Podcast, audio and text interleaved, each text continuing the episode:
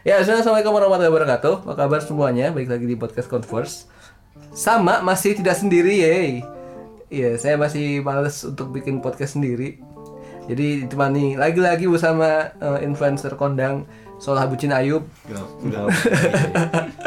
Iya. Dan satu lagi ya tadi eh, influencer kondang di bumi. Ya, ini yang di langit nih kondangnya. Ya Allah. Serem.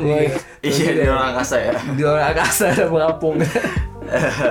Mars. ya. Kalau kalian tahu, eh, jadi saya tuh youtuber juga sebenarnya. Yuk. Apa tuh? youtuber jadi eh, orang punya channel YouTube dan cuma dua video tapi penontonnya udah sampai ratusan ribu Ah, isi Nah, dia video, doang. video dia deh gitu videonya kontennya isinya dia kan Enggak lu monetize. hmm, belum Bisa gak sih? bisa hmm, mari kita jadikan Cuan pertama. jadikan cuan pertama Sering-sering nih. Banget. ya bersama Terima kasih teman. the one and only uh, our our Akhi Karim Muhammad Hanif baju bair baju bair ya enggak baju Jarang bekas lah. enggak baju bekas ya halo Ayub halo Hanif apa kabar Gimana ya kabar dia? Eh, alhamdulillah masih bisa hidup, masih bisa bernafas, masih bisa bertemu kalian-kalian ini. gitu kan. Matanya berbinar-binar gitu kamu. iya matanya kok agak mm, bening gitu ya Iya, karena si saya tuh mulai jelas gitu. oh, iya. baru ganti kacamata ya Sebenarnya itu sih. iya, VC, literally VC. Visi. Vision, kan, jelas, My vision is clear. Because I changed my Iya, jadi kita nih bertiga kebetulan ngumpul nggak sengaja. Jadi kenapa nggak kita jadiin podcast aja obrolan kita? Jadi kita ngobrol-ngobrol banyak. Banyak lah dari mulai yang penting sampai nggak penting. Nah. Semua yang kita obrolin. Nah, tapi sebenarnya Oke. ob- obrolan kita ini mengerucut ke satu hal tentang eh, hidup dan peran. Gila. Jadi kamar saya ini itu tempat berkumpulnya obrolan-obrolan dari mulai penting sampai nggak penting. gitu. Dari mulai meme sampai tujuan hidup. gitu. Ya bagus lah gitu. Setidaknya aja. Gue ke sini berat-berat mulu kayaknya. Iya, tiap hari Iya. ke sini berat gitu. Setiap ayo ke sini Makin- meme. gitu. Jadi Makin, kita bisa lihat eh, diferensiasinya gitu. Iya benar. Ini kita bercampur ya. Bercampur. Itu kan nih, pas ada gue jalan berat mulu. Mari kita mix gitu kan. Nah, sebelum kita kita kenalan dulu lah. Walaupun eh kayak sudah kenal dengan dua orang kondang ini. Nah, kita kenalan lagi. Eh, supaya lebih jauh lebih ini jauh lebih kenal. Gimana Ayub? Eh soal Ayub ini lahir di mana Ayub? Lahir di bumi Allah. Masya Allah. Pokoknya dia Rumah anak sakit sih. rumah sakit ya. Nggak rumah sehat ya. Iya juga ya. Harusnya rumah sehat ya. Iya, jadi Ayub ini adalah orang Jabodetabek gitu. Hmm. Orang perkotaan lah gitu. Hmm, Jadi gayanya pun gaya-gaya ibu kota banget lah. Tapi dia nggak betah di ibu kota, nggak tahu kenapa itu. Dulu ada ceritain saja lah ya. iya, ada lah pokoknya di podcast sebelumnya dengerin aja sendiri gitu. Tapi gue belum cerita tentang masa lalu gue. Gue tuh di SMK. Lucunya adalah ketika Arno bilang iya, gitu, itu, gue tuh SMK gue tuh di Jakarta Timur, Oh, di Cawang. Rumah gue di Tangerang.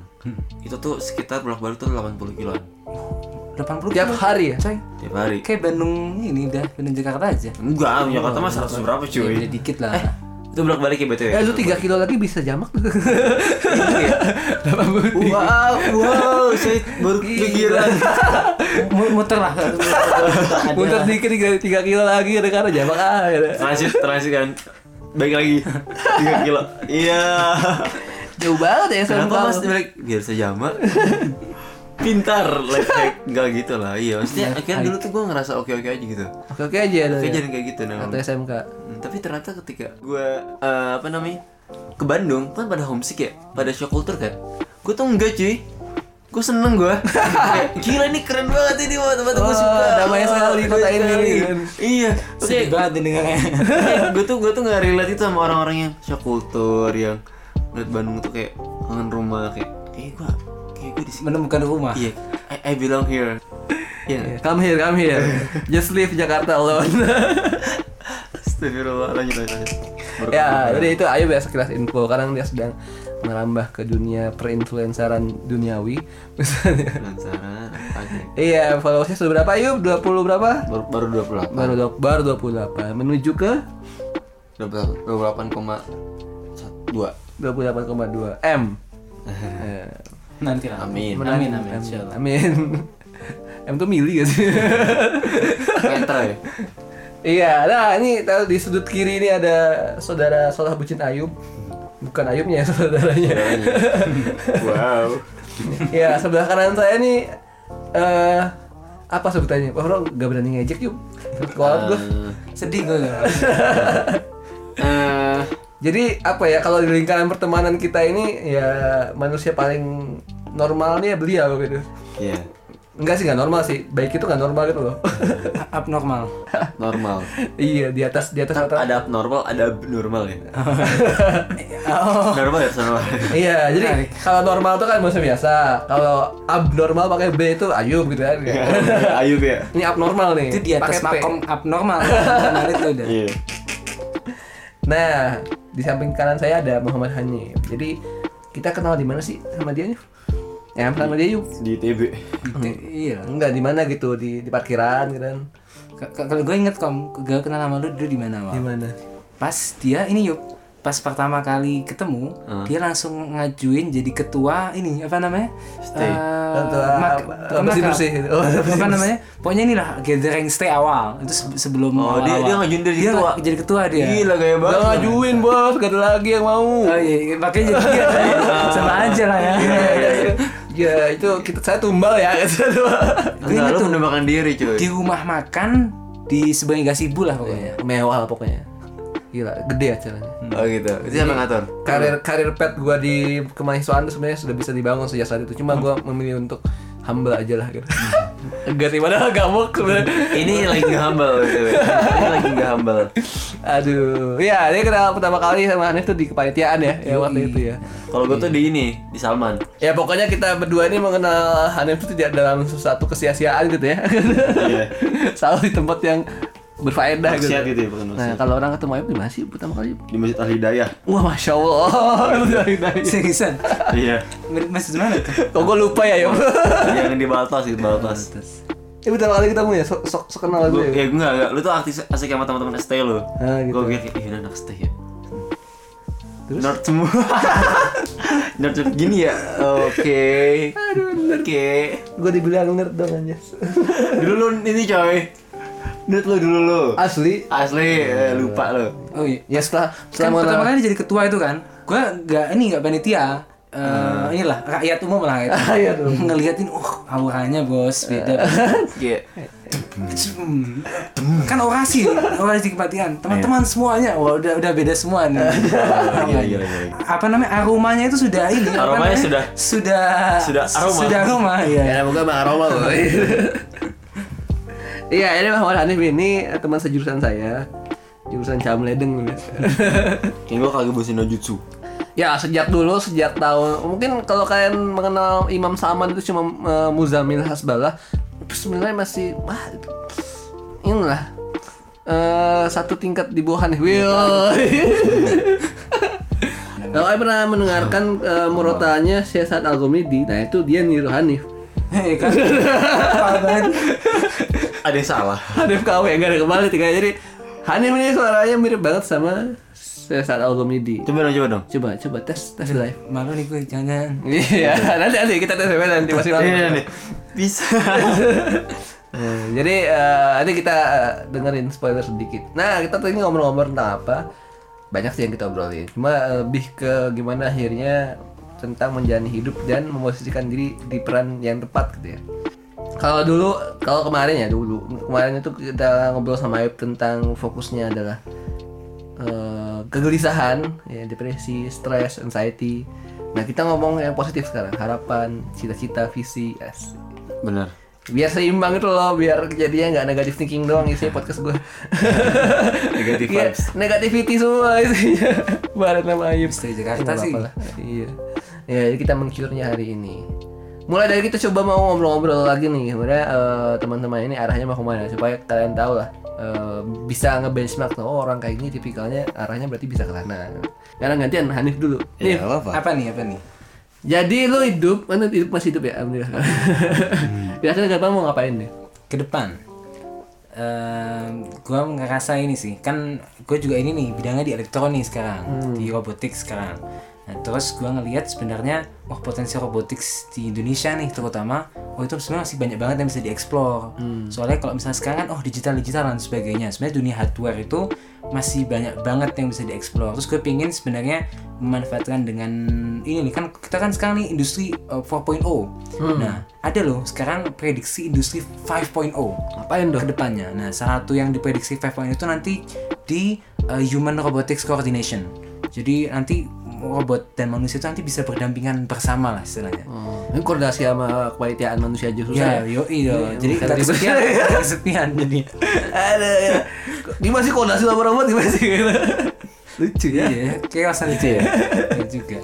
Terus, eh, ya kan gue pengen mendalami di sana tuh. Terus intinya di sana gue ngeliat wah potensi penerapan teknologi nih untuk mensolve masalah-masalah nyata di masyarakat itu masih bisa banget.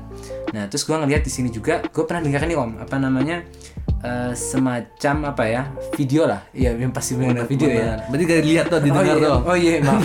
nonton nonton video. Intinya sih eh, dia mengkritisi nih, terutama buat eh, kita nih yang muslim-muslim dan sebagainya. eh kalau misalnya katakanlah muslim, kalau misalnya jago teknologi kan kita lihat dari Nobel nih katakanlah. Nah sekarang peraih Nobel yang muslim itu masih bisa dihitung jari lah. Terus bah- Jari, jari, jari makhluk apa? jari ma ya juga palu. Iya, kalau jadi manusia 20 nih. Jari- Barangnya jari apa gitu. jadi kaki seribu juga bisa juga sih benar juga ya terus em, yang menariknya dia ngomong gini kom Eh, coba lihat deh yang muslim yang peraih Nobel berapa bisa hitung jari itu pun yang dapat Nobel pun istilah dia risetnya tuh bukan di negeri muslim kayak di Indonesia atau apa gitu misalnya. Terus di sana gue langsung tertrigger nih. Wah eh, men- menarik ya maksudnya eh, kayaknya kayaknya bakal sabi banget nih kalau misalnya nanti misal 20 30 tahun eh, enggak 20 tahun deh 10 tahun sampai 30 tahun ke depan tuh Indonesia misalnya katakanlah sebagai negara yang mayoritas muslim juga kita bisa jadi pionir nih. Orang-orang yang menghasilkan. Jadi nggak hanya individualnya yang dapat Nobel katakanlah tapi jadi pabrik bro jadi pabrik para kader-kader ilmuwan yang istilahnya solutif lah Iya. Nah, terus gak tau sih gue tertarik untuk uh, membangun karir ke sana nih jadinya. Oh, gitu. Nah, Jadi- perannya. Fokusnya ke akademik ya, akademisi. Nah, iya, salah satu ke sana sih. Walaupun nanti gue ada salah satu fokus yang lainnya lebih ke ini sih. Uh, soalnya gue ngeliat sekarang ya setelah diskusi sama beberapa orang nih, misalnya ke dosen-dosen gue juga, terus ke beberapa tokoh-tokoh, terus uh, pernah nih ada yang menarik nih. Jadi gue ceritanya uh, safari, wah safari bu. Apa itu ini browser ya? Oh, iya. taman taman Eh, apa namanya ke ini tahu gak lu apa namanya penemu 4G Indonesia tahu siapa Eh, yang ini Ya kemarin gua nemu sih. oh, nama oh, gitu ya Alhamdulillah di sini 4G kok. Iya. Oh, gitu ya? nemu. Iya. Oh ada 4G, ada alhamdulillah. salaman dulu salaman dulu biasa. Kayak Tapi di, waktu di atas gunung cuma ada jaringan 3G ya. Ed- ed- Iya. Edge malah. H, H plus. sedih juga ya Iya tahu Pak ini kan maaf ya Pak. Rif ya. Pak. bagus bagus gua gua rindu kayak gini Rindu. Iya, lu serius ngomongin serius dari tadi gitu ya. Dipatahin sama si Ayub. Ya nggak apa-apa lah. Mohon bersabar. gua apa ya lupa tadi Eh, Pak namanya Pak Hairul Anwar Oh, iya, ya. ya. Aduh, hari ini penemu 4G. Nah, sih. Itu bukan bukan pujangga ya. Bukan bukan bukan oh iya ya. juga juga ya aku aku aku terus eh, ya cerita kita inilah silaturahmi sama beliau terus cerita. Nah sebenarnya Indonesia itu salah satu tantangannya nih di masa depan itu justru nanti lebih ke koordinasi lagi nih om. Bukan panitia tapi koordinasi dunia akademia sama industri. Jadi anggapannya dari riset-riset itu nggak cuma berakhir di publikasi tapi bisa ada kontribusi eh, produk yang bisa nyata eh, membantu masyarakat Emang Merdeka belum? gitu apa namanya sekarang belum. Eh, udah udah ada cuma convertnya masih sedikit sih maksudnya kayak masih banyak banget yang harusnya bisa jadi produk nyata cuma itu nggak jalan hanya sampai berhenti di publikasi aja Oh jadi kayak penelitian di kampus-kampus tuh cuma ya udah gitu sampai di atas kertas, di upload jadi jurnal, jadi publikasi, udah. Dapat pengakuan Eh, lu nggak sih? Ke- kenapa Dapat pengakuan. Pengakuan dapat sih misalnya di, Iya. di publikasi gitu-gitu juga itu itu, kan. itu, itu bagus banget juga sih iya. kan kayak pengu- pengulangan ilmu cuma eh, setelah ngobrol sama beberapa orang kayaknya sebenarnya masih bisa ditingkatkan lagi soalnya gue juga kemarin ngecek-ngecek kan nah kayak di Swiss itu itu eh, gila banget karena dia dari kampus itu ada spin off spin off namanya jadi perusahaan-perusahaan yang itu mengkomersialisasi hasil riset dari kampus. Jadi itu manfaatnya itu nggak hanya berhenti di publikasi, tapi Nggak hanya jadi sebagai bahan bacaan Yoi, ya. coy, ada apa namanya barang nyata lah istilahnya. Jadi ketika kita penelitian tuh ya bisa kaya juga ya. Saya bisa bisa dikomersialkan dalam artian di, di dibuat ke dalam bentuk nyata gitu. Sebenarnya ini, ini juga sih eh, kalau kita bicara komersial ya, kan biasanya bicara cuan tuh. Eh, ya itu benar sih ada cuannya juga maksudnya. Cuma gua ngeliat sebenarnya di komersialisasi produk ini sebenarnya nggak hanya ke arah sana, tapi justru lebih ngincar kemanfaatnya juga sih. Jadi yang bisa dirasakannya lebih banyak juga sih. Ya, misalnya kayak orang-orang yang di pasar kan apa jurnal jurnal itu apa ya Iya, iya. itu eh, apa namanya rasanya asin apa Jurnal tau gak? Yang buku warna merah. apa sih Namanya jurnal. Oh iya iya Ada Em- em- tulis. Ada Emang, kan? emang jurnal ya? Ada kan namanya? Waduh maaf saya biasanya pakai OneNote sih kira bercanda tadi dia kayak iya dia ngomong serius aja kita kan sangka bercanda ya maaf ya kan, ya kan, kan pengen buat ini kan buku juga kan. iya buku tulis Lagi menulis buku. tinggal tinggal bikin garis-garis doang Iya terus sama dikasih quotes beberapa di bawahnya. di bawahnya apa namanya dulu? Sidu. Sidu, Sidu, Sidu. Sidu. sinar duniawi Oh, kalau CV apa? Sinar ukhrawi. sinar ukhrawi mantap saingannya Sidu Benar sekali.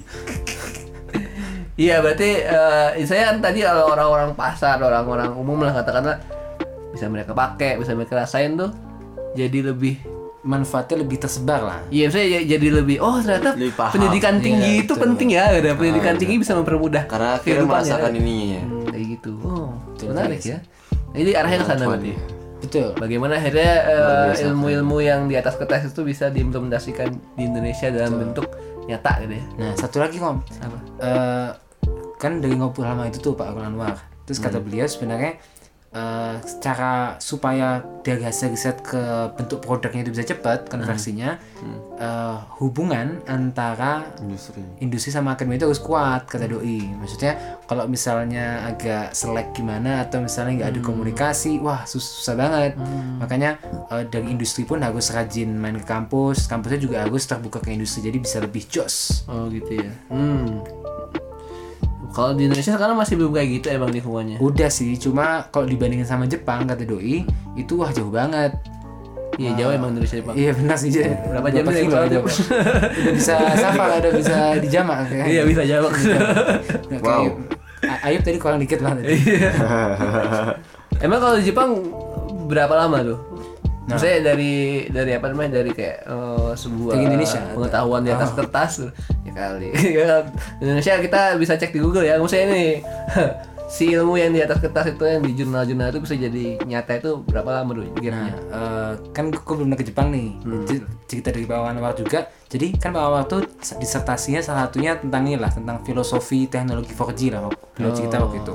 Itu eh, kalau nggak salah kata beliau cuma waktu sebulan itu konsep teknologi itu udah dibentuk suatu implementasi nyata terus udah diterbangin di satelit Jepang om. Oh, langsung terbangin. sebulan coy.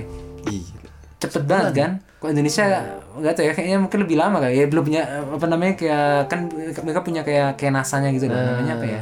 Jaksa jaksa. Apa namanya punya, punya Jepang gitu. Jaksa, tuh kan untuk dong. oh iya. Pakai X tapi ini jaksa.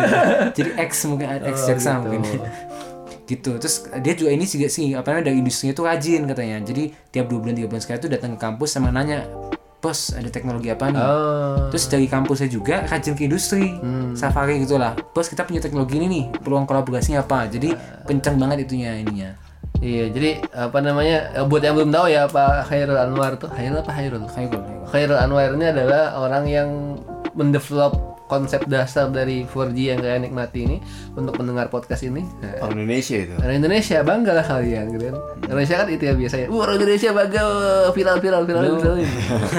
ya saya gak cuma Cuma harus tahu. bangga doang ya Pak Khairul, Pak Khairul Anwar ini dia peletak dasar dari konsep. Gue sih, gue takut salah juga. Cuma dia punya paten di salah satu standar di 4G lah. Ah, oke. Dan si apa namanya disertasinya beliau ini di convert ke dalam dunia nyata dan bisa dinikmati di Jepang itu cuma jarak satu bulan gitu ya. Kalau nggak salah sekitar sebulanan udah diterbangin di satu Jepang nggak salah. langsung diterbangin Indonesia kan eh, birokrasinya masih cukup sulit ya masih cukup Ya mungkin lebih lama sih hitungannya. belum bisa mengakomodir secepat itu gitu. di Jepang satu bulan doang ya kita aja ngerjain skripsi lama ya. Coklat kan juga. Iya. Berapa semester? oh jadi kayak gitu ya arahnya Arif tuh mau ke dunia di antara perbatasan antara dunia akademis dan eh, apa bisnis. Eh, bukan bisnis industri, Industri, Hmm, tujuannya adalah supaya si ilmu-ilmu yang eh, menurut sebagian orang bakal cuma Duh, dulu rumah gua nggak nggak penting lah mikir kayak gitu-gituan buat apa juga sih? Bisa akhirnya dirasakan oh ternyata enak juga ya. Oh ternyata bermanfaat juga ya buat manusia. Nah mari kita pindah domain bagaimana nih Bapak Ayub Ini lo eh, eh, masuk lorong dimensi dulu. Iya. Ini bahasanya bakal sangat berbeda. Karena akademis, industri dan lain-lain. Eh, eh, anda bilang apa? Ah, bagaimana Bapak? nah, kita bakal nyebrang dimensi ya, ke dimensi konten konten apa nih? Dan bucin. Konten bucin kreator ya, ya. Gak aja konten kreator, konten bucin kreator. Oh, bentar lagi BTW dia bakal launching buku, tungguin. Oh iya benar kan? Iya benar benar. Ini kan ini tujuan emang buat Tujuannya emang marketing ini kan. buat marketing, ya betul. Iya. Inilah tis- teaser judulnya apa? Iya. Judulnya apa? Rasa untuk jiwa. Oh iya. Rasa untuk jiwa. Oh, ini ini spoiler ya. Jadi eh, Bapak Ayub ini sedang mendevelop sebuah buku karena setelah dilihat-lihat gitu ya, kontennya ini hmm, cukup dinikmati banyak orang gitu. Iya. Hmm, dan banyak yang request juga kayak eh, Benar. dibukuin dong kayak gitu. Nah, akhirnya eh, walaupun mager kata Ayub, tapi dia memaksa dirinya untuk membuat buku. Ini sampai sekarang lagi bikin buku ini. Iya nih. Ini lagi bikin buku BTW ya. Buku gambar, gambar. kosong. Kalau buku tulis masih mendingan ya. Ada garis, Ada garisnya kan. Iya, buku gambar. Gambar. Wah, dibikin terus kan di. Wah, alhamdulillah polos. Kosong. Entah apa yang dibuat. Ini kanvas itu kanvas hitam. Loh, lumayan kan bu gambar ada covernya kan Iya. covernya bikin Oh, cover doang. Si saya. Sidar Ukhrawi ya. Eh. Robi. Iya, jadi ini eh, spoiler dulu. Jadi Bapak Ayub ini sedang membuat buku yang akan terbit insya Allah bulan ini ya, Be. Nih sengaja gua push lah, pokoknya biar cepet dia terbitnya. Minggu ini sih harusnya. Nah, minggu bahkan minggu ini. Pokoknya bulan depan, minggu depan. Enggak, mengantisipasi keterlambatan gitu. Jadi gua sebut bulan ini aja lah pokoknya. Eh, tidak yang tahu ya. Stay tune gitu. Namanya eh, bukunya judulnya Rasa untuk Jiwa. Iya. Wah. Gimana? sekali lagi sekali lagi sekali lagi, Rasa untuk jiwa. Iya, iya. Coba kalian kalian nanti download podcastnya, potong di situ, ulang-ulang itu ASMR, ASMR salah Ayub gitu.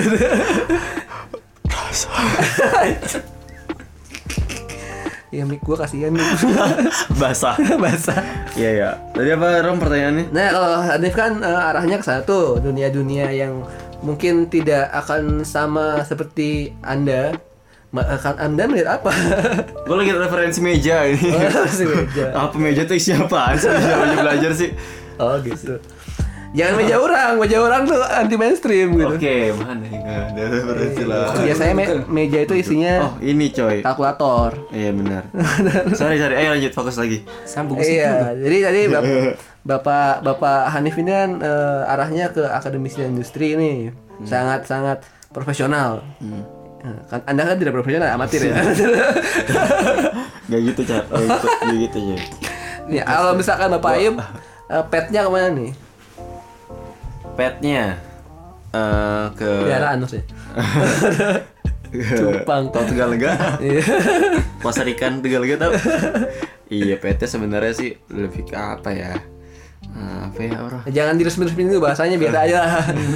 ya jadi eh jadi sebenarnya gue bingung sih tadinya ya, Oh, tadi tadinya. bingung Oh, gitu ya. iya tadi bingung karena lucunya adalah mungkin kita tuh nggak tahu sebelum kita akhirnya nggak tahu gitu apa nggak tahu sih Gimana nggak coba? coba disyarah tuh. kita tuh nggak tahu sebelum kita akhirnya nggak tahu gimana ya kita tuh tahu kalau kita tuh nggak tahu gitu kita tuh nggak tahu kita nggak tahu kebayang gak sih jadi sebelum akhirnya gue kerja gitu dia. Jadi kita tuh nggak akan sadar bodoh sebelum kita bodoh gitu. Iya, enggak gini. Oh. Jadi itu kayak misalnya gini. eh, kasus hidup gue ya. Kan gue pertama kali akhirnya coba ke Jakarta kan gue mikir dulu tuh oh gue pengen jadi kayaknya gue mau jadi ini deh ya kan. Dan ketika akhirnya cuma mikirin kalau oh kerja itu harus sesuai passion. Just it gitu. Passion lah gue suka di sini. Oke, gue kerja yang penting ngerjain ini. tok gitu doang kan ternyata tidak semudah itu rumusnya ya kan untuk akhirnya menentukan peran kita di muka bumi ini gitu lebih luasnya nah akhirnya gue mikir kan gue ada tawaran kerja di Jakarta ya lanjut dari yang kemarin ya kan Iya. Coba kan eh, dengerin podcast yang kemarin ya. Iya. Dari Promosi juga. ya sebenarnya secara pekerjaan tuh sesuai sama apa yang gue suka sangat-sangat dan itu tidak terlalu susah kan tapi ternyata tuh ada sebuah ketidakpuasan di sana kekosongan gitu. Dan akhirnya gue sadar bahwa nah gue tuh nggak tahu apa yang gue nggak tahu gitu. Sebelum akhirnya gue nggak tahu. Iya, oh, pusing banget. jadi gue akhirnya ketika gue sadar bahwa gue tidak tahu karena gue mencoba untuk ke ke lini yang gue nggak tahu kalau gue itu ternyata gak bisa di sana. Oh gitu. silakan. Tafsirkan sendiri ya. Ini dia ulang-ulang bagian ini. Gue sama, nggak tahu. gini mudahnya mudahnya adalah ya gue baru tahu suatu hal yang baru. Sama aja. Sama aja ya. Gue baru tahu suatu hal ya ketika gue ada di tempat yang gue baru tahu cukup ampun ampun tolong Nah, nah, nah. Udah berhenti, berhenti, berhenti. tolong beda dimensi kan? Ya pokoknya gue gitu lah ya. Akhirnya gue mikir ya "Eh, ternyata gue ngajak di sini gitu. Gue baru di situlah gue bertanya-tanya sebenarnya gue harus ngapain di sini? Ya kan? apa sih yang akhirnya buat orang tuh bisa menjadi bis- bisa memaksimalkan peran dia di muka bumi itu gitu. Soalnya yang gue yakin adalah kalau kata Mark Twain kan Kan siapa? kata Mark Twain tau Mark Twain kan? Tetangga lu. ah enggak cuma juga celok nih Mark Twain. Seorang filsuf seorang filsuf kan dia bilang bahwa momen terpenting dalam hidup itu ada dua. Satu. yang pertama tuh ketika tuh ketika lu dilahirkan yang kedua ketika lu tahu kenapa lu dilahirkan. Udah. gila. Ah. Kalau pas lahir langsung tahu, Hah? Jago juga tuh bayi ya. gila beli juga lu. Oh ya, ah, saya dilahirkan untuk menjadi pelawaknya. Wah, gila gila gila gila. Nggak gitu sih. Gila, gila. sam sih gue ada yang ada yang kayak gitu? Udah bisa ya? Oh, iya kan? langsung bilang kalau aku adalah utusan Allah. Oh, Bener. iya ya udah itu. Bener, nggak bisa. iya. Ada ada ternyata ya jokes lah jawabannya ternyata. Jawaban gue ya. Luar biasa. Jok kita ada hikmahnya ternyata. iya jangan jangan sangka ya kan iya akhirnya gue akhirnya gue mulai mencari tahu sebenarnya gue nih ngapain sih apa yang penting dari hidup kita gitu kan gue coba baca baca nggak baca sih gue nonton sih di YouTube kan gue bahas baca ya ya bahas apa namanya minat baca dulu. Iya. makanya gue bikin buku yang isinya tuh gambar semua gitu Nah itu jangan khawatir buat eh, yang nungguin bukunya Ayu dia takut em, bukunya itu tebal. isi teks semua enggak enggak Enggak, enggak, enggak. Enggak ada teksnya. ada sedikit ya.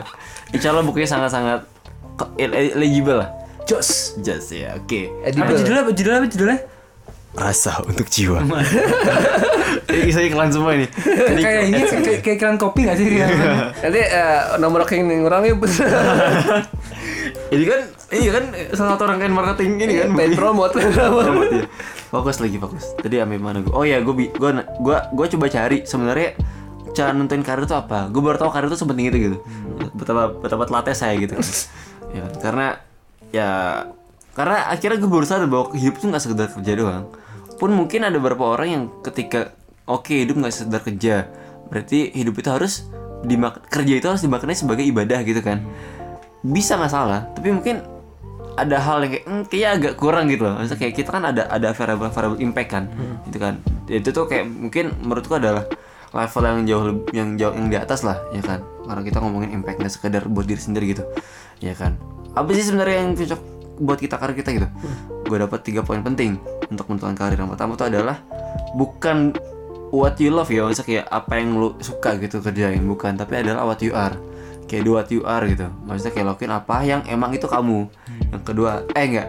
Sorry bahasanya bukan gitu. Bahasanya adalah what you think you are good at gitu. Apa yang lo pikir lo tuh jago di sana gitu dan itu adalah kamu. Yang kedua adalah apa yang bilang apa yang orang lain bilang tentang kamu tuh jago di mana yang ketiga adalah apa yang menahan kamu gitu Ya apa? menahanmu what holding you back ya kan akhirnya gue coba buka survei di IG gue ya kan So- close friend sih close friend ya Iya. Iya, dan akhirnya gue dapet apa eh, insight-insight bahwa oh ternyata gue tuh lebih cocoknya tuh di mana ya? Di value nyampein value gitu. Kayak story- storytelling dan storytelling itu tuh menyampaikan value dengan bahasa yang mungkin lebih renyah lah dimakan orang kan. Jadi kayak sebenarnya wah ya apa yang kalian di IG gue tuh adalah sebenarnya ya itu itu itu gue jago di sana gitu kan. Dan gue gue mikir "Ah, kayaknya gue akhirnya untuk kayak nih nih nih. Gue tuh merasa bahwa ini tuh adalah sebuah amanah gitu loh. Maksudnya gue mikir soalnya selama gue akhirnya bikin konten gue nulis dan lain sebagainya itu tuh gak gak apa ya gue tuh nggak ada ekspektasi untuk akhirnya orang tuh suka. Itu cuma lapan terasa aja gitu kan. Dan gue juga heran ini kenapa orang suka gitu ya kan. Dan akhirnya gue mikir wah ternyata yang bikin orang suka tuh bukan gue ya kan? Tapi adalah Allah gitu. Gue cuma perantara. Tapi dong. dan, dan gini coy. Dan gini coy. Mungkin mungkin eh, Hanif kan concernnya lebih ini concernnya lebih ke akademi ya profesional kan? Gue juga sih. Enggak enggak enggak ya? Amatir lu. gue lebih concern ke hal-hal yang mungkin lebih eh, apa ya lebih proletar proletar lebih proletar lebih lebih lebih, lebih, dasar kali ya. Esensial yang mungkin setiap orang tuh punya. Ya kan? Itu adalah kejiwaan. Kejiwaan. Psikolog ya, Pak. enggak gue psikolog juga sih tapi lebih kepada hal-hal orang tuh yang sifatnya tuh apa ya esensial kali ya. Makna. Makna. Karena gue yakin bahwa setiap apa pun orang setinggi apa pun dia itu butuh sebuah makna untuk menjalani hidup itu lebih bermakna. Lebih bisa nikmatin hidupnya lah ya kan? Ya kan? Nemuin wisdom di dalamnya gitu. Kayak gitu sih. Udah. Udah belum Oh nggak kelibak sih? Mas, ya? Ini kayak uh, naik lanjut patah di akhir. Sampai klimaks, apa judul bukunya?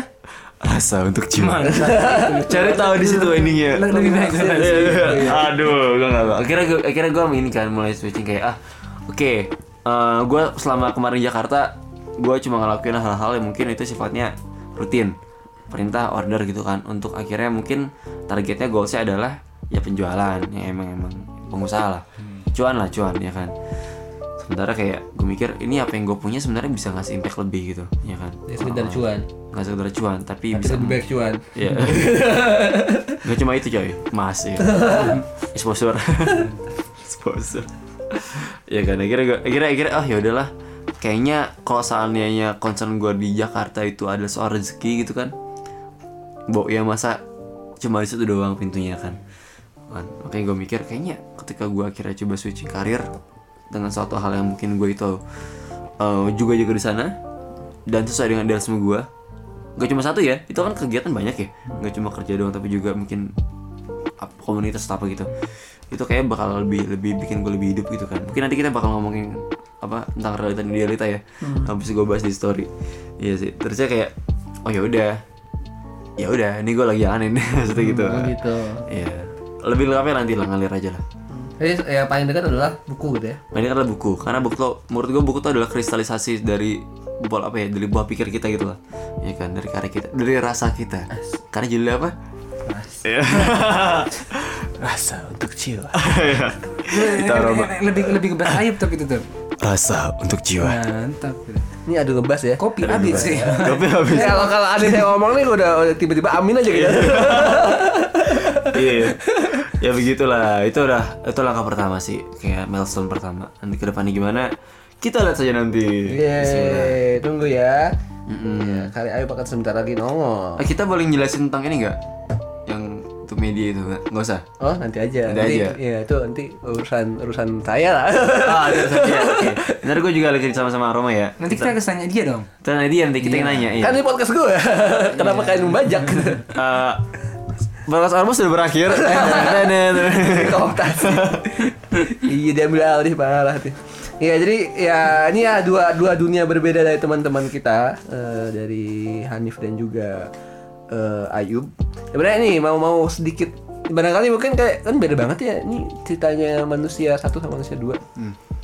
Apa yang membuat kalian mungkin eh, apa sih eh, hal-hal yang membuat eh, kalian tuh berpikir untuk arah sana pengalaman pribadi apa misalnya manusia kan dibentuk oleh lingkungannya dan dan apa-apa yang telah dia lalui gitu. Hmm. Apa harus yang akhirnya membuat lu mau ke sana gitu? Mau ke arah sana gitu. Gue duluan. Hmm. Tuh, ada tokek coba. ya, telan dulu, Pak. Telan dulu, Pak. Label martabak. Kenapa gue duluan yang ditanya? kan Bandung bermartabak. Oh, Bentar ya. Apa tadi pertanyaannya? Iya. Oh, kenapa akhirnya membuat gue untuk Iya, ke sana? a- ada pengalaman apa gitu atau misalkan momen apa yang akhirnya bikin oke gua fix ke sana ya. Sebenarnya sih banyak ya. Aspeknya kan internal eksternal ya. Pertama dari inter gue sendiri, gue sadar bahwa ini yang penting ya. Mungkin kalau seandainya teman-teman semua masih bingung karir, yang paling penting menurut gue sih itu self awareness sih, ya kan. Maksudnya kayak mengenal diri sendiri. Ma'rifatus Itu- self. Ma'rifatus self itu masih kuat kan. Gue sadar, gue sadar kalau gue tuh orangnya tuh nggak bisa sepragmatis apa ya nggak bisa se working orang-orang gitu. Gue setiap kerja itu pasti ada masalah internal. Entah gue cabut lari pergi ya kan hilang gitu. Sibuk dengan diri sendiri gitu kan. Ya gue orang kayak gitu gitu dan gue akuin itu adalah sebuah flaws sebenarnya sebuah kekurangan tapi bisa jadi itu sebuah kelebihan. Karena di waktu-waktu gue ngilang itu adalah me time gue untuk akhirnya mikirin lagi. Mencoba mencari eh, apa ya di balik kejadian itu ada apa sih? Ada hikmah apa sih Bagi gitu evaluasi lah. mengevaluasi ya gue sering kayak gitu kan. Sering bertanya lah di kepala gue tuh isinya mau wai semua gitu. Makanya mungkin ketika gue akhirnya eh, kuliah di seni rupa masuk fokus kajian seni yang isinya tuh mikir doang ya kan?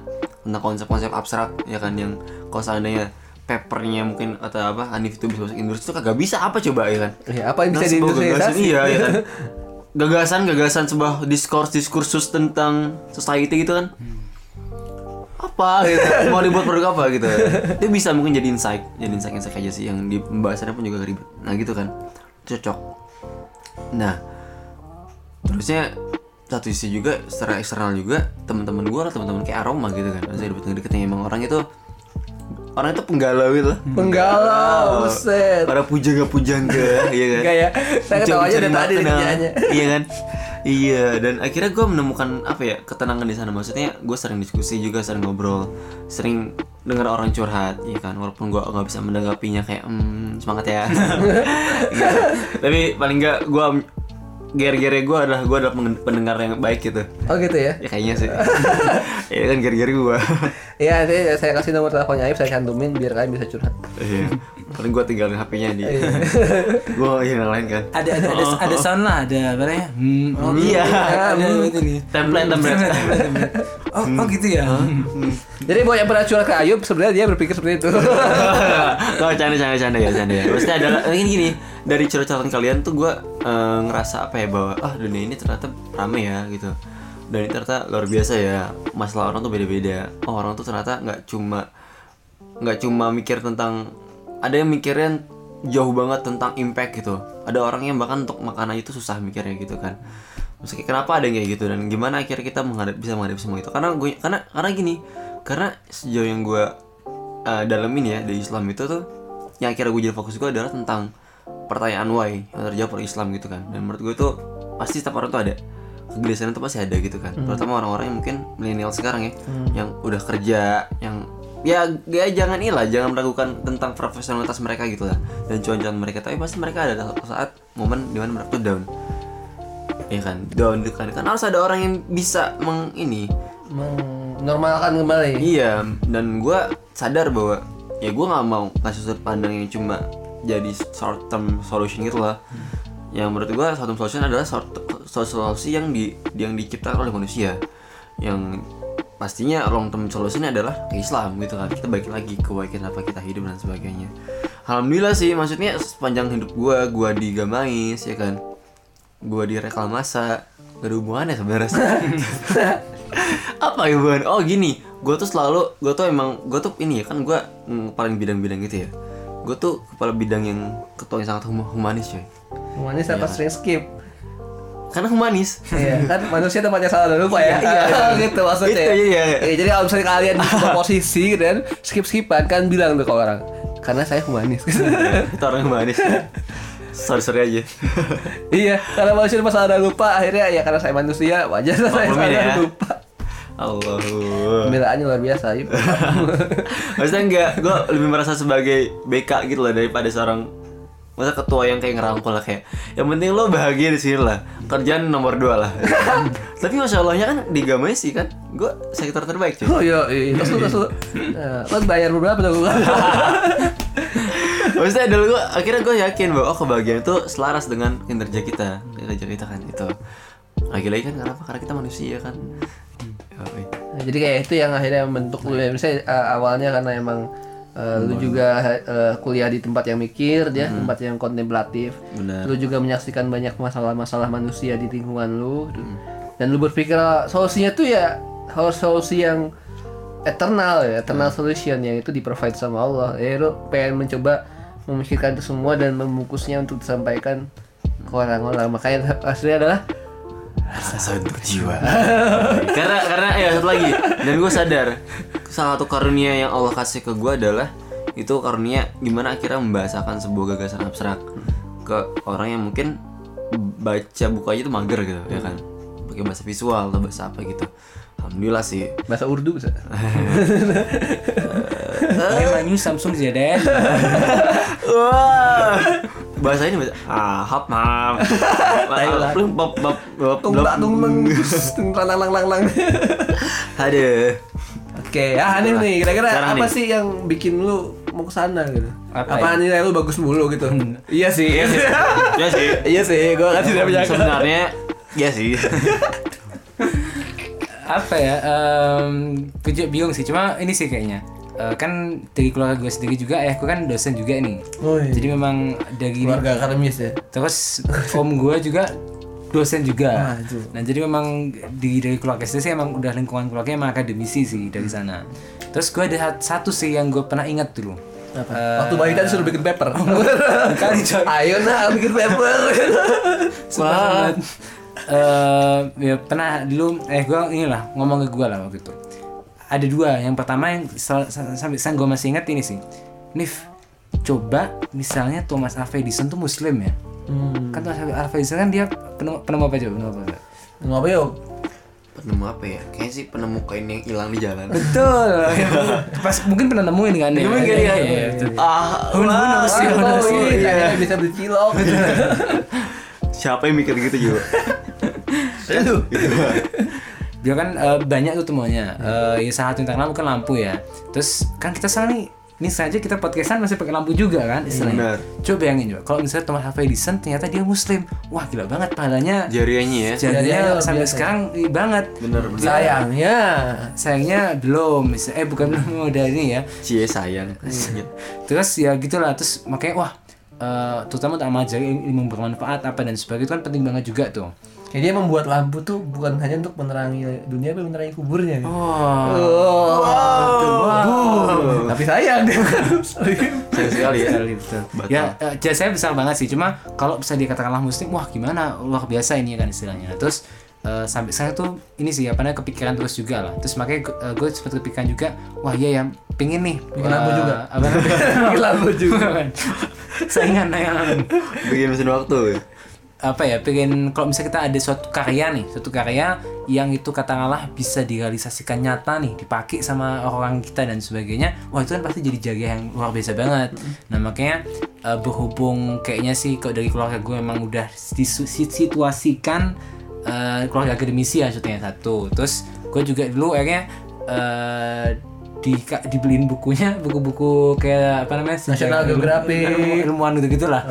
Nggak tahu, mungkin ada faktor itu kali ya. Oke, jadi yang gue iya, baca dulu eh, yang ada salah satu yang gue buku gue suka itu ada judulnya 147 ilmuwan Islam terkemuka. Oh, iya. Wah, itu menarik banget tuh. Gue baca di situ kan ada namanya eh, Ibnu Yusuf Al Misri itu Mana tahu tahu kan lu, yuk. ini kan Ki- ki- kiai. kiai kiai. Siapa tuh? Enggak, gue pernah denger coba gue tebak. Apa tuh? Misteri ya? Ini Yusuf Al Misri. Berarti orang mana tuh? misteri tuh kimia bukan sih? Al- itu kayak kayak misteri itu- misteri Al Misri itu cocokologi gue Al Misri itu salaman dulu salaman dulu. Ya alhamdulillah. Apa judul bukunya? Rasa Al Misri ini sebat tempat, Pak. Hah? Nisbat tempat itu. Oh iya bener ya misteri Orang mana tuh? orang orang Mesir Orang Mesir. Eh, terus smart gila baca bacaan gue buku-buku bu- ini coy Iya, terus siapa tuh? Terus eh, kan banyak baca tuh, banyak banget ternyata yang sebenarnya mungkin eh, kita di buku-buku pelajaran ini wah banyak ilmuwan muslim yang sebenarnya perannya itu banyak banget. Cuma itu nggak terekspos. Nah, terus yang Ibnu Salam tadi dia ternyata di tahun 1200-an dia ternyata udah pakai pendulum. Untuk mengukur astronomi. Padahal kok di buku-buku sejarah sekarang salah satu pe- penemu pendulum satu Galileo Galilei. Nah, paling Ibnu Salam Misri berdasar buku ini ya, itu dia ternyata udah pakai pendulum sebelum Galileo Galilei untuk mengukur astronomi. Terus banyak banyak banget yang mungkin kita namanya nggak familiar kayak Ibnu Haytham. Ternyata dia penemu kamera dan obscura. obscura dan sebagainya. Dan itu nggak banyak terekspos lah. Nah, terus makanya sih kok dari gue pribadi memang wah kayaknya nih eh, karena sudah disituasikan dari dulu eh, ke arah sana dan gue sendiri juga cukup enjoy lah maksudnya eh, ngerjain tentang dunia teknologi apa gitu gitu sekalian. Nah makanya pingin juga nih eh, akhirnya wah kayaknya bisa nih eh, ngambil peran di sini gitu loh. Harapannya sih eh, kan ma- macam-macam ya. Ayupan tadi kan istilahnya untuk jiwa kan? Wah, dan sebagainya untuk jiwa-jiwa para manusia. Eh gue lebih pengen eh, menggarap membantu lah berkontribusi di sisi eh, sektor eh, para ilmuwan-ilmuwan muslimnya ini juga termasuk dari dari Indonesia juga lah jadi supaya eh, kan sekarang nih mungkin kok orang lihat wah katanya muslim Islam itu katanya sempurna. Terus eh, bisa men- apa namanya membuat kita produktif apa terus the best lah konsepnya. Kok tapi kok kesannya, kok kesannya jelek gitu kok ya? kesannya jelek banget. Maksudnya sekarang kayak terbelakang. terbelakang iya gitu banget. gitu ya. betul. Nah justru kolot lah. Iya. Konservatif. terus kadrun nih udah, udah, udah, udah.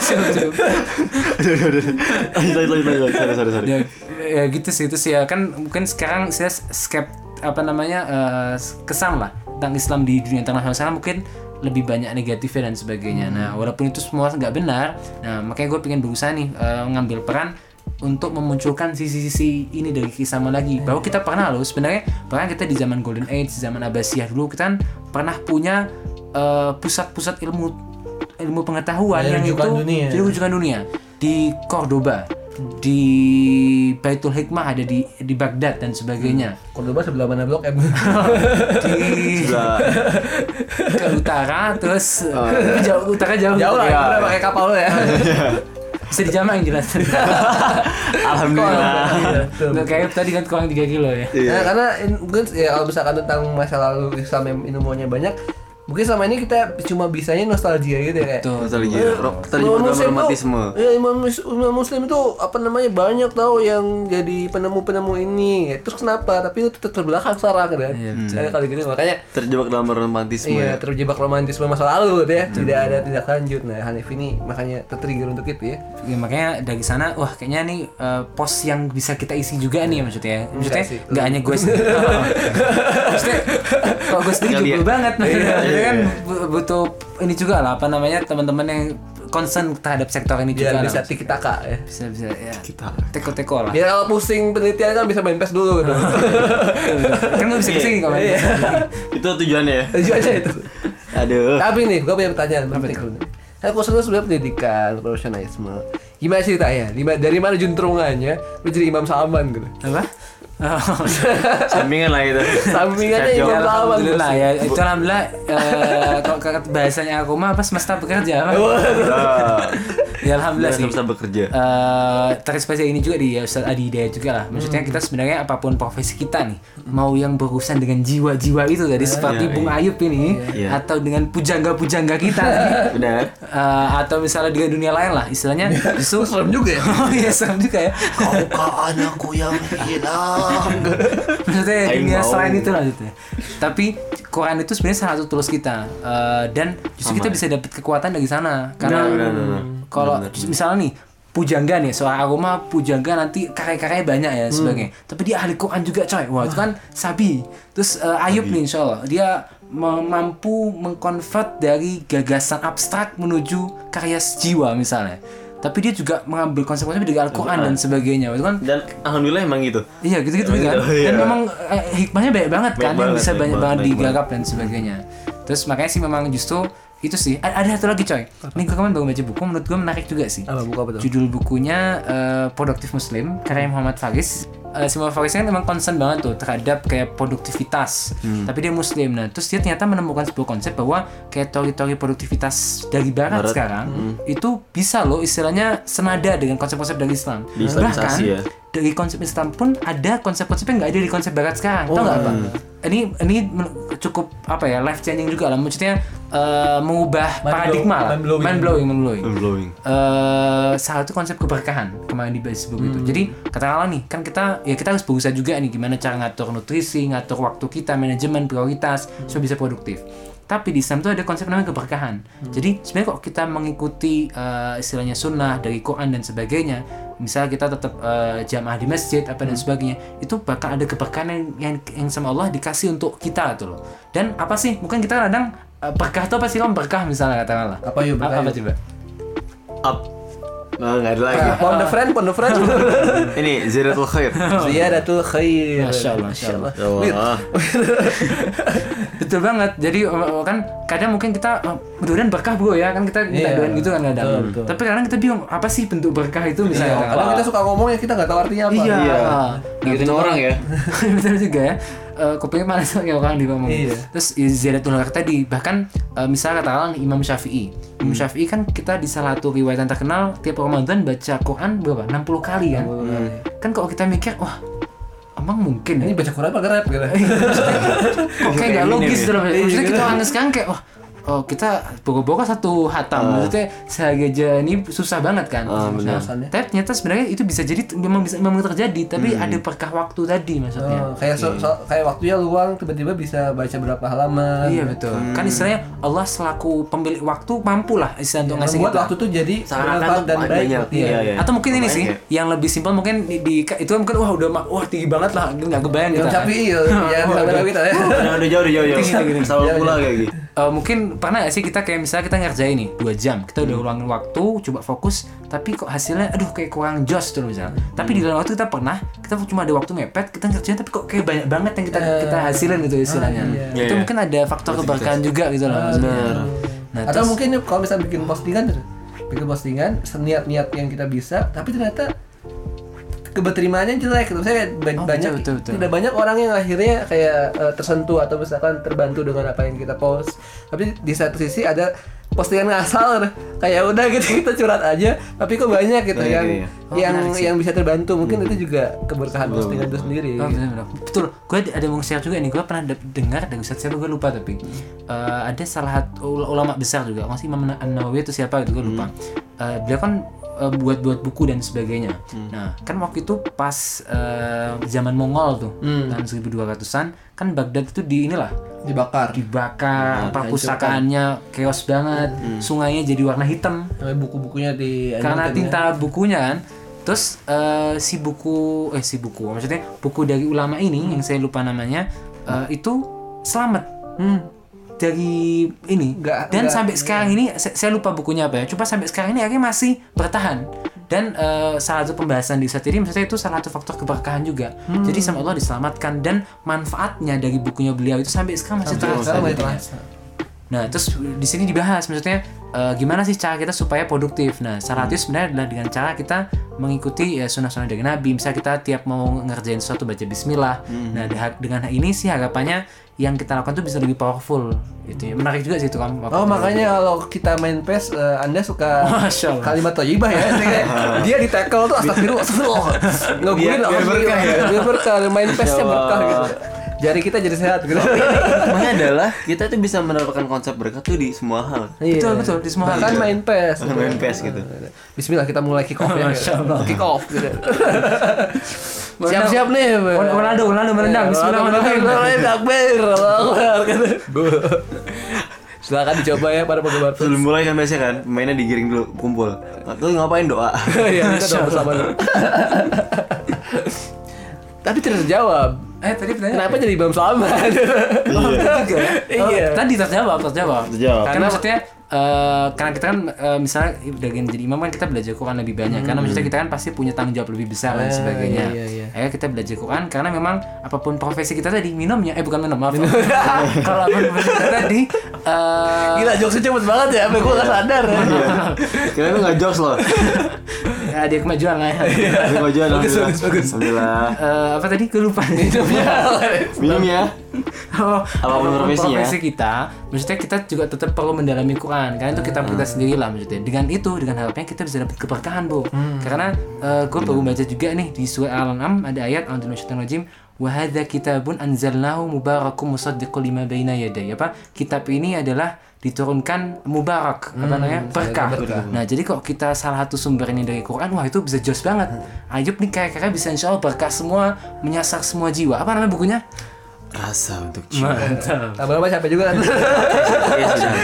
Nanti lama-lama atas untuk jiwa. Rasa untuk jiwa. itu aja. Coba dong pengen denger satu dua ayat gitu dari Hanif eh pengen nih apa dong yuk request ayat tuh nah yang tadi aja. Yang mana? Tadi. Yang awal favorit lu lah pokoknya. Tadi baru tadi yang tadi aja boleh deh. Yeah. boleh. Um, dibaca nih iya dibaca. ya? Iya, pakai pakai kita kita kita nggak ngeliat kok. Pakai kroa sabah boleh. A'udzu billahi minasy syaithanir rajim وهذا كتاب أنزلناه مبارك مصدق لما بين يدي مصدق لما بين يدي ولتنذر أم القرى ومن حولها. والذين يؤمنون بالآخرة يؤمنون به وهم على صلاتهم يحافظون صدق الله العظيم Allah, mix saya berkah ya Allah, alhamdulillah. Bisa ya. Bayangin yuk, lu ada engineer, eh, pegiat industri, banyak gua kayak gitu coba. Gila. Ya alhamdulillah mix saya berkah. Semoga. Semoga ya. Insya Allah. Iya, jadi gitu. Jadi eh, intinya sih sebenarnya eh, kita tutup aja langsung ya, Eh, nggak usah nanya saya. Kang nih. Ya, jadi podcastnya nih kita ambil nih. Iya. Apa teng teng teng.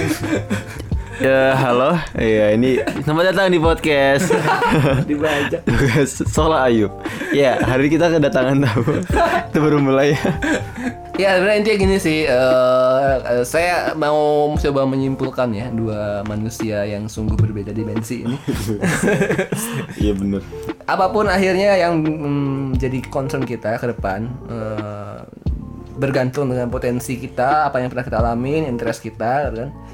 Pada akhirnya kita bisa ngelakuin sesuatu sih.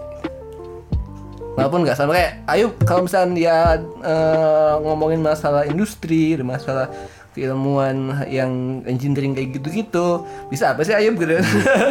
Bisa wah. berkomentar. bisa berkomentar gitu. Berkomentar julid gitu kan. Iya. Jadi ya misalnya kita cuma mikirnya itu doang ya mungkin ya kalau misalnya Ayub mikirnya itu doang mungkin dia bakal jadi orang sangat pesimistis ya udah gue nggak guna hidup di dunia gitu.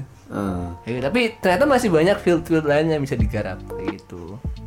Dan jadi bener banget apa yang tadi Hanif bilang, apa pun yang kita lakuin nanti, pada akhirnya yang penting adalah kita mencari keberkahan ya, mencari eh, ridho Allah ujungnya gitu.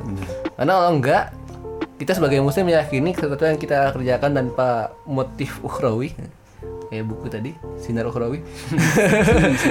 oh iya. Itu kan sebutin fajalnahum haba mangsuro gitu kan dijadikan sama Allah tuh seperti debu-debu yang berterbangan kalau kata Ustaz Adi tuh eh, kenapa eh, disebutnya debu yang berterbangan kenapa, tuh? kenapa yuk Karena karena hilang. karena kalau debunya nempel di meja tuh masih bisa ditimbang yuk Ah. gitu. ya 0, sekian gram lah ada lah gitu karena kalau berterbangan susah nimbangnya gimana coba Ah. Saya mah kayak udah useless lah gitu.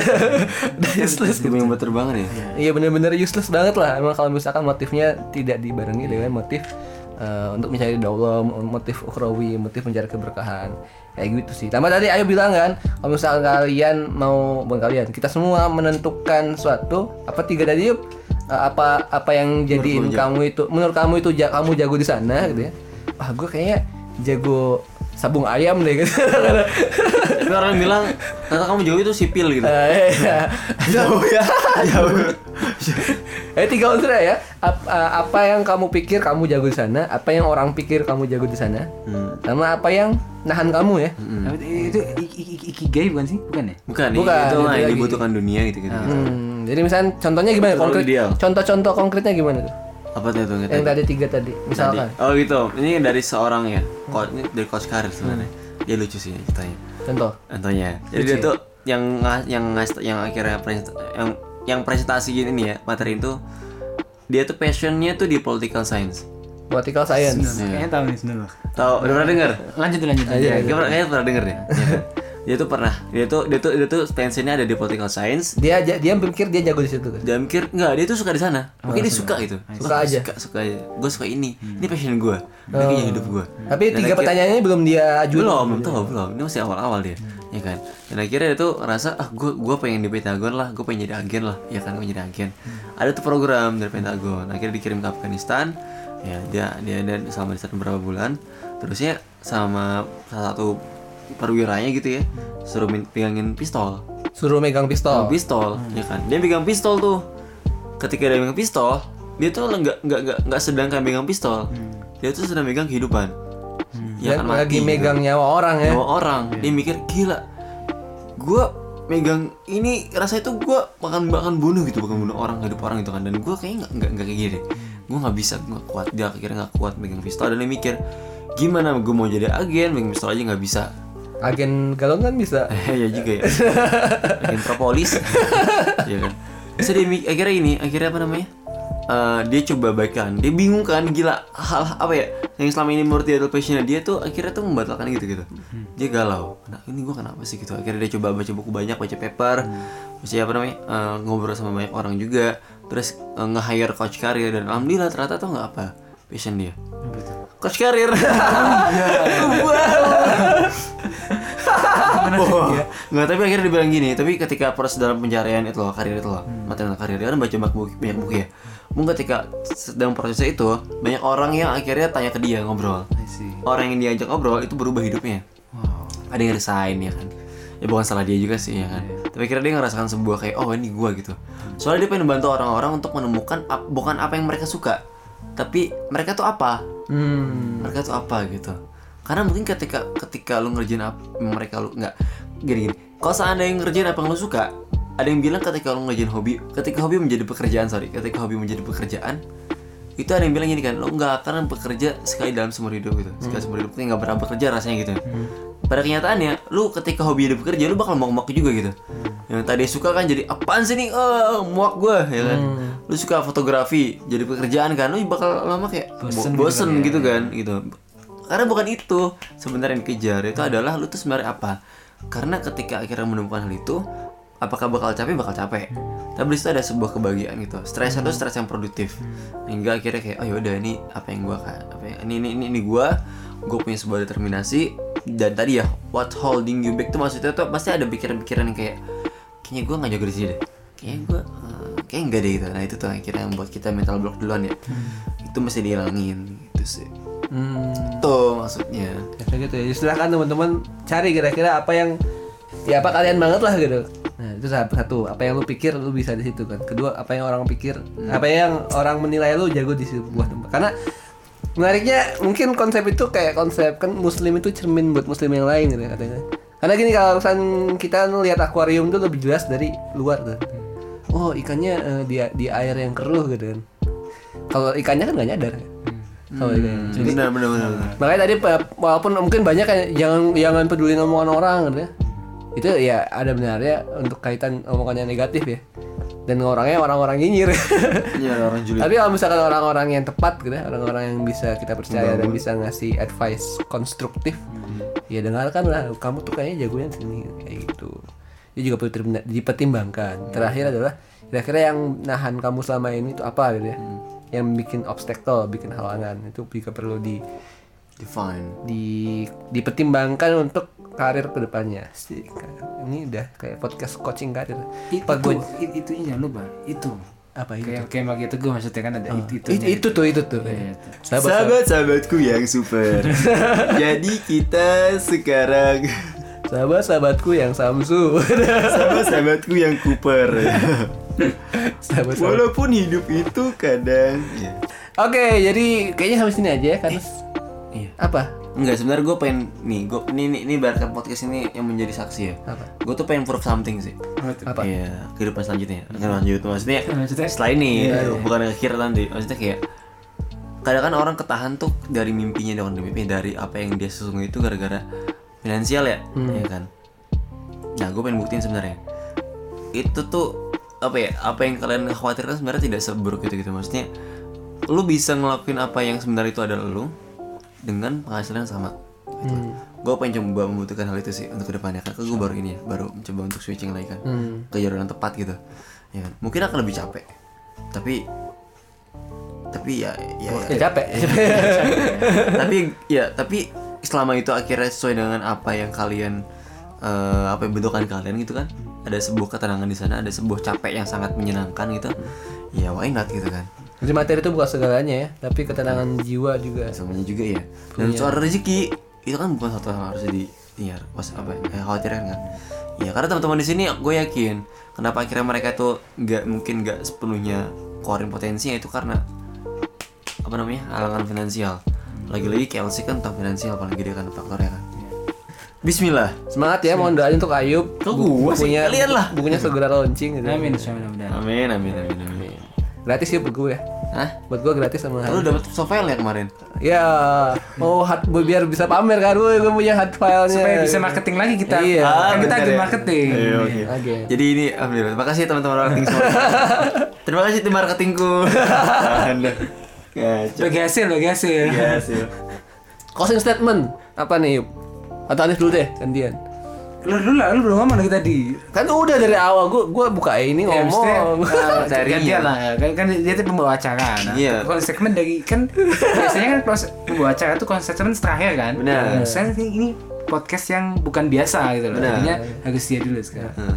Iya, closing statement gue adalah eh, tadi ya sebenarnya kita buka eh, podcast ini dalam dalam rangka endoskeleton. itu itu rangka dalam. Jadi dalam rangka untuk kayak kita pengen ngebahas tentang hidup dan peran sih ya kan hidup dan peran gimana akhirnya kita hidup tapi bisa nentuin peran dan tadi motif akhirnya adalah motif motif keberkahan motif mencari Allah gitu kan cuma ya cuma ya kita juga perlu mempertimbangkan apa namanya variabel-variabel atau titik-titik yang ya manusiawi gitu. Titik-titik yang emang harus kita pikirin sebagai seorang manusia. Nggak cuma asal berjuang yang penting Allah ridho gitu gitu kan. Tapi ya kenapa akhirnya harus jadi influencer? Kenapa Hanif jadi concernnya sekarang ke akademis sama industri? Itu kan juga perlu dipertimbangin gitu. Dengan kacamata manusia. Jadi kalau dari gue sih ya selamat mempertimbangkan itu semua gitu ya eh, orang saya yakin kita semua ini punya potensi ya. Dan beda-beda aja. Misalnya kayak mungkin eh, ada seorang yang kelihatan sangat sak di suatu tempat tapi ya bisa bisa sangat jago di tempat lain. Kayak ikan kan nggak bisa manjat tapi bisa berenang lah gitu. Sebaliknya monyet bisa manjat tapi bisa berenang juga. Ya. Kadang-kadang emang ada flash flash privilege yang enggak gitu. emang kadang-kadang gitu suka. Aduh. ya kayak monyet kan nggak bisa menyelam lama tapi kan bisa selamanya dalam air kan ya gitu jadi ya kita punya potensi dicari kita punya peran yang tepat nah peran ini kita run sesuai dengan apa yang Allah pengen kayak gitu sih kita punya. super sekali super sekali Terima kasih Aroma telah datang. iya ada semua yang datang ke kamar ada podcast kita selanjutnya nanti ya. Ya. Jadi teman-teman mungkin besok kita akan mengundang ada selain aku mah ada undang-undang yang lain teman-teman Iya. sekalian. Iya. Jadi kita tutup podcast kali ini teman-teman. Iya, atas ini mohon maaf ya ada kekurangan. Iya. Wassalamualaikum warahmatullahi wabarakatuh. Mulai kita tutup ya dadah semuanya.